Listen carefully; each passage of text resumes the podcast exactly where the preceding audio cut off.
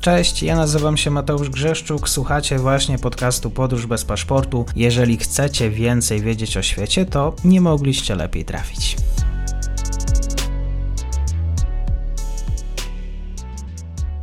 Dzień dobry wszystkim słuchaczom. Mam dzisiaj po raz pierwszy przyjemność gościć na kanale Jamala Szpalerskiego, współpracownika Klubu Jagiellońskiego. Będziemy rozmawiać o Chinach i o Tajwanie, o wizycie Nancy Pelosi właśnie na Tajwanie. Dzień dobry, bardzo mi miło. Dzień dobry. Mnie również bardzo miło, dziękuję za zaproszenie. Na początku chciałbym zapytać o wątek, który sam sygnalizowałeś, bo chodzi o tajwańską supremację, tak moglibyśmy powiedzieć, w produkcji półprzewodników. E, wizyta Nancy Pelosi na Tajwanie oczywiście jest kluczowym wydarzeniem, o którym rozmawiamy już drugi dzień. Pytanie jest właśnie, e, te półprzewodniki stanowią ważny element e, wizyty przedstawiciela Stanów Zjednoczonych. Tutaj pojawia się też ryzyko e, zakłócenia dostaw z krajów właśnie Azji, Tajwanu, Korei Południowej, właśnie jeżeli chodzi o półprzewodniki. Ta wizyta e, ma w pewien sposób rozwiązać problemy. Jaki właściwie jest jej cel?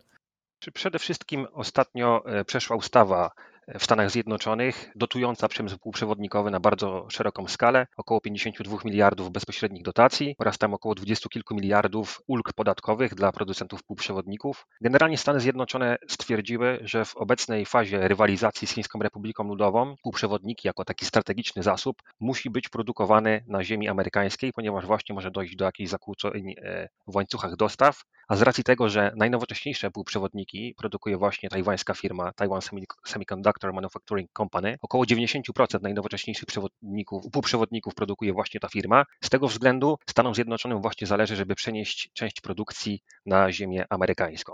Rozumiem, że dzisiaj będzie takie wizyta, dedykowane spotkanie. Sporo kwestii ma zostać wyjaśnionych. E, właśnie, co wiemy na temat pierwszych godzin Nancy Pelosi właśnie na Tajwanie? Jakie dosięgnięcia, jakie reakcje przede wszystkim też ze strony chińskiej? Nancy Pelosi została dość ciepło przyjęta. Na budynku Taipei 101 został wyświetlony specjalny napis powitalny. Na Tajwanie w Taipei też odbywały się demonstracje pokojowe, zarówno popierające wizytę, jak i przeciwne tej wizycie, ale wszystko się odbywało w demokratycznej atmosferze. Chińskie reakcje jak się można było spodziewać, były ostre i zdecydowane. Tuż przed wylądowaniem samolotu pojawiła się informacja ze strony chińskiej, że zostały poderwane myśliwce Su-35 produkcji rosyjskiej, jeżeli latają nad cieśniną tajwańską. Strona tajwańska zdementowała te informacje, to znaczy rzeczywiście jakieś samoloty latały, ale podobno nie Su-35. Natomiast zaraz po wylądowaniu spikerki Pelosi w Tajpej, Ministerstwo Obrony Narodowej Chin wydało komunikat, że od czwartku do niedzieli włącznie będą przeprowadzane ćwiczenia, tak zwane live fire, z y, ostrą amunicją y, wokół właśnie wybrzeży Tajwanu w przestrzeni morskiej oraz powietrznej.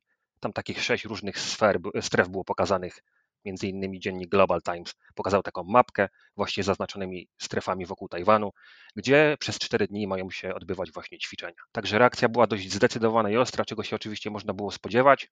Komunikat chińskiego MSZ brzmiał, że urzeczywistnienie całkowitego zjednoczenia ojczyzny jest wspólnym dążeniem i świętym obowiązkiem wszystkich chińskich synów i córek, czyli ponad miliarda 400 milionów ludzi.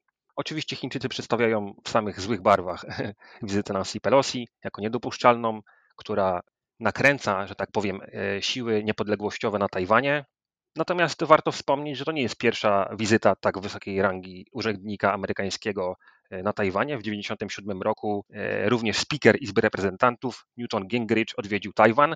Z tym, że taka była różnica, że najpierw odwiedził decydentów w Pekinie, żeby delikatnie chyba uspokoić i stonować nastroje. Komentarze też ze strony chińskiej były takie, że wówczas nie trzeba było dopuszczać do odbycia się tej wizyty na Tajwanie i że to był wielki błąd strony chińskiej i nie można dopuszczać w przyszłości do podobnych błędów, czyli właśnie, żeby tak wysocy, wysocy urzędnicy amerykańscy odwiedzali wyspę.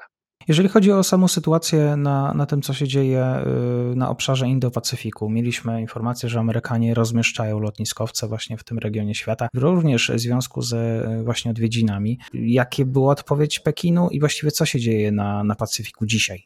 Tak, generalnie większość amerykańskich lotniskowców na co dzień stacjonuje na Pacyfiku, zdecydowanie więcej niż na Atlantyku, jednak te aktywa wojskowe były zbliżane y, do Tajwanu coraz bliżej Tajwanu rozmieszczane. Napięcie jest na pewno ogromne między Chińską Republiką Ludową a Stanami Zjednoczonymi i co gorsza, co nie wróży dobrze przyszłości świata, nie jest to jakiś, jakaś incydentalna rzecz, jakaś anomalia, tylko niestety głęboka strukturalna rywalizacja. Nie chcę oczywiście straszyć wojną, może nigdy do wojny amerykańsko-chińskiej nie dojdzie, natomiast no, na razie nic nie wróży temu, żeby sytuacja miała się w najbliższych miesiącach oraz latach poprawić. Czy właściwie ta wizyta y, Nancy Pelosi na Tajwanie, ona była jakimś, e, jakimś, można nazwać to przełomem, biorąc pod uwagę również e, historyczne doświadczenia. E, czy ona była też jakimś takim elementem, nazwijmy to, zmieniającym właściwie całkowicie optykę od tych 40 lat relacji amerykańsko-tajwańskich? To znaczy, tak, mam na myśli taką, jaka jest wartość dodana dla tego, co się właściwie wydarzyło i nadal dzieje. Czy jest to wizyta o charakterze przede wszystkim symbolicznym, raczej w relacjach strategicznych niczego nie zmienia. Tak jak już wspomniałem, odbyła się w 1997 roku podobna wizyta, natomiast jest to symboliczne wsparcie quasi sojusznika tajwańskiego, bo jak Państwo zapewne wiedzą, Stany Zjednoczone nie są w formalnym sojuszu, nie są zobowiązane do obrony Tajwanu, natomiast jest ta polityka strategicznej dwuznaczności, że Stany Zjednoczone sugerują, że może będą bronić, może nie będą bronić Tajwanu. Także na pewno siłom demokratycznym na Tajwanie, nie mówię niepodległościowym, tylko demokratycznym, chcącym utrzymać status quo, dodała otuchy ta wizyta. No, można to porównać w jakimś sensie, oczywiście Polska ma zupełnie inny status na arenie międzynarodowej, ale można w jakimś sensie to porównać do wizyty jakichś wysokich rangą przedstawicieli administracji amerykańskiej w Polsce, gdy potrzebujemy mieć pewność, że ten hegemon stoi za naszymi plecami i w razie potrzeby będzie interweniował, na przykład w sytuacji jakiejś konfrontacji czy napięcia z Rosją. Także z pewnością ta wizyta pokazuje zaangażowanie Stanów Zjednoczonych w demokrację na Tajwanie, jak to też wspomniała Nancy Pelosi, że przyjechała właśnie stanąć w obronie demokracji. Powtórzyła mantrę prezydenta Bidena, że żyjemy w czasach globalnej konfrontacji między demokracją i autokracją i twardo właśnie Stany Zjednoczone opowiadają się w obronie demokracji na Tajwanie. Co ciekawe, Nancy Pelosi używa w oficjalnej notce takiego sformułowania właśnie, że to Stany Zjednoczone stają w obronie demokracji na Tajwanie, natomiast niektórzy przedstawiciele administracji amerykańskiej twierdzili, że to jest prywatna decyzja, jakby niejako prywatna wizyta Nancy Pelosi. Na przykład wczoraj Antony Blinken w ONZ E, użył takiego sformułowania, że to jest prywatna decyzja spikerki, aby odwiedzić Tajwan. Więc nawet w sferze takiej werbalnej również dochodzi do takiej e, dwuznaczności strategicznej ze strony Stanów Zjednoczonych, że wizyta niby nie jest oficjalna, z drugiej strony może jest. Natomiast z pewnością jest to ważna, symboliczna wizyta, która dodaje otuchy e, Tajwańczykom w tych niespokojnych czasach na wyspie. Solidarność Ameryki z e, milionami mieszkańcami Tajwanu jest dzisiaj ważniejsza niż kiedykolwiek, tak pisała właśnie w oświadczeniu Pelosi w związku z wizytą na Tajwanie. Tak, tak, dokładnie. Warto też może wspomnieć, jeżeli chodzi o odpowiedź chińską, że e, Pekin wprowadził wczoraj zakaz importu tysięcy różnego rodzaju produktów spożywczych, od owoców i warzyw po ciastka na przykład, czy żywność dla dzieci. Dzisiaj ten zakaz eksportu został jeszcze rozwinięty na dwa rodzaje ryb, e, na owoce cytrusowe oraz Pekin zakazał eksportu piasku na Tajwan. Także te reperkusje, bardziej obawiałbym się reperkusji ekonomicznych z perspektywy Tajpej niż reperkusji jakichś militarnych. Uważam, że do jakiejś bezpośredniej konfrontacji nie dojdzie.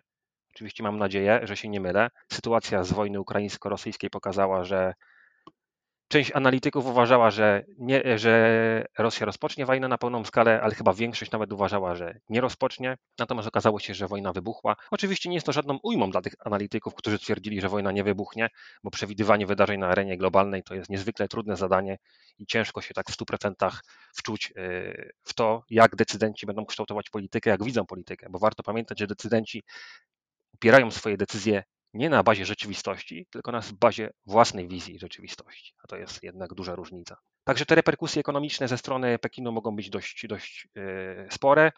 E, Chiny są głównym e, partnerem handlowym Tajwanu. Przyznam, że spotkałem się z takimi tytułami, że rzeczywiście, że ta podróż zaniepokoiła rynki, w szczególności inwestorów właśnie w Azji. Tak, tak, tam były różne spadki na giełdach. Mam nadzieję, że to jest przejściowe, natomiast rzeczywiście zaniepokoiło inwestorów w Azji, również w Stanach Zjednoczonych. E, wracając może jeszcze na chwilę do wątku półprzewodników, bo zapomniałem powiedzieć, właśnie dzisiaj marszałek e, Pelosi spotka się z Markiem Liu, przewodniczącym, prezesem e, TSMC. Może taką ciekawostkę dla Państwa powiem, że aktualnie najnowocześniejsze półprzewodniki, jakie są produkowane, to półprzewodniki 5-nanometrowe. W tym roku Samsung jako pierwszy rozpoczął produkcję 3-nanometrowych półprzewodników. TSMC ma rozpocząć w dalszej części tego roku. Natomiast już w 2025 roku podobno firma TSMC rozpocznie produkcję półprzewodników dwunanometrowych. Żeby powiedzieć Państwu, zaprezentować jakoś tak wizualnie, jak, jakie to są wielkości, to z tego co czytałem, nie jestem biologiem, ale z tego co czytałem, to cząsteczka wirusa COVID-19 ma 100 nanometrów. Także to są naprawdę e, niesamowite technologie. Czytałem też 2 nanometry, to mniej więcej tyle, ile rośnie ludzki paznokieć w ciągu dwóch sekund. Także to są naprawdę cutting edge technologie, tak zwane, które są zasobem strategicznym, porównywalnym do rozwoju broni nuklearnej i rakiet precyzyjnych podczas zimnej wojny. To jest taki zasób strategiczny, najważniejsza rzecz, bez której nie można produkować broni, nie można produkować najnowocześniejszego sprzętu.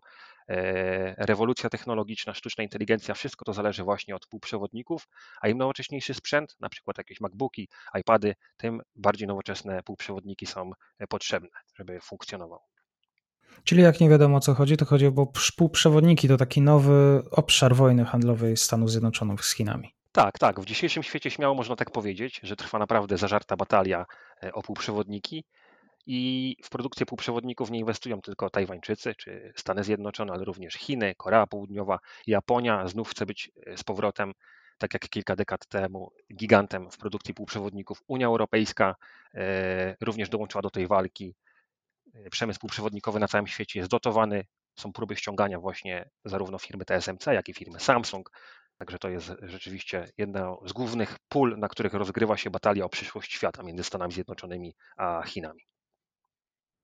Pod koniec lipca właśnie w Waszyngtonie ogłoszono utworzenie nowego takiego międzynarodowego centrum badawczego dla półprzewodników nowej generacji i to właśnie ma być inicjatywa japońsko-amerykańska, więc w myśl tego, co również powiedziałeś. Bardzo dziękuję za dzisiejsze spotkanie, za wiedzę. Jak widać, świat nie jest taki prosty i jest wielowątkowy i ta wizyta Nancy Pelosi również ma, jest wielowymiarowa, tak moglibyśmy powiedzieć. Jamal Szpalerski, współpracownik Klubu Jagiellońskiego. Bardzo dziękuję za spotkanie. Również bardzo dziękuję. Do widzenia.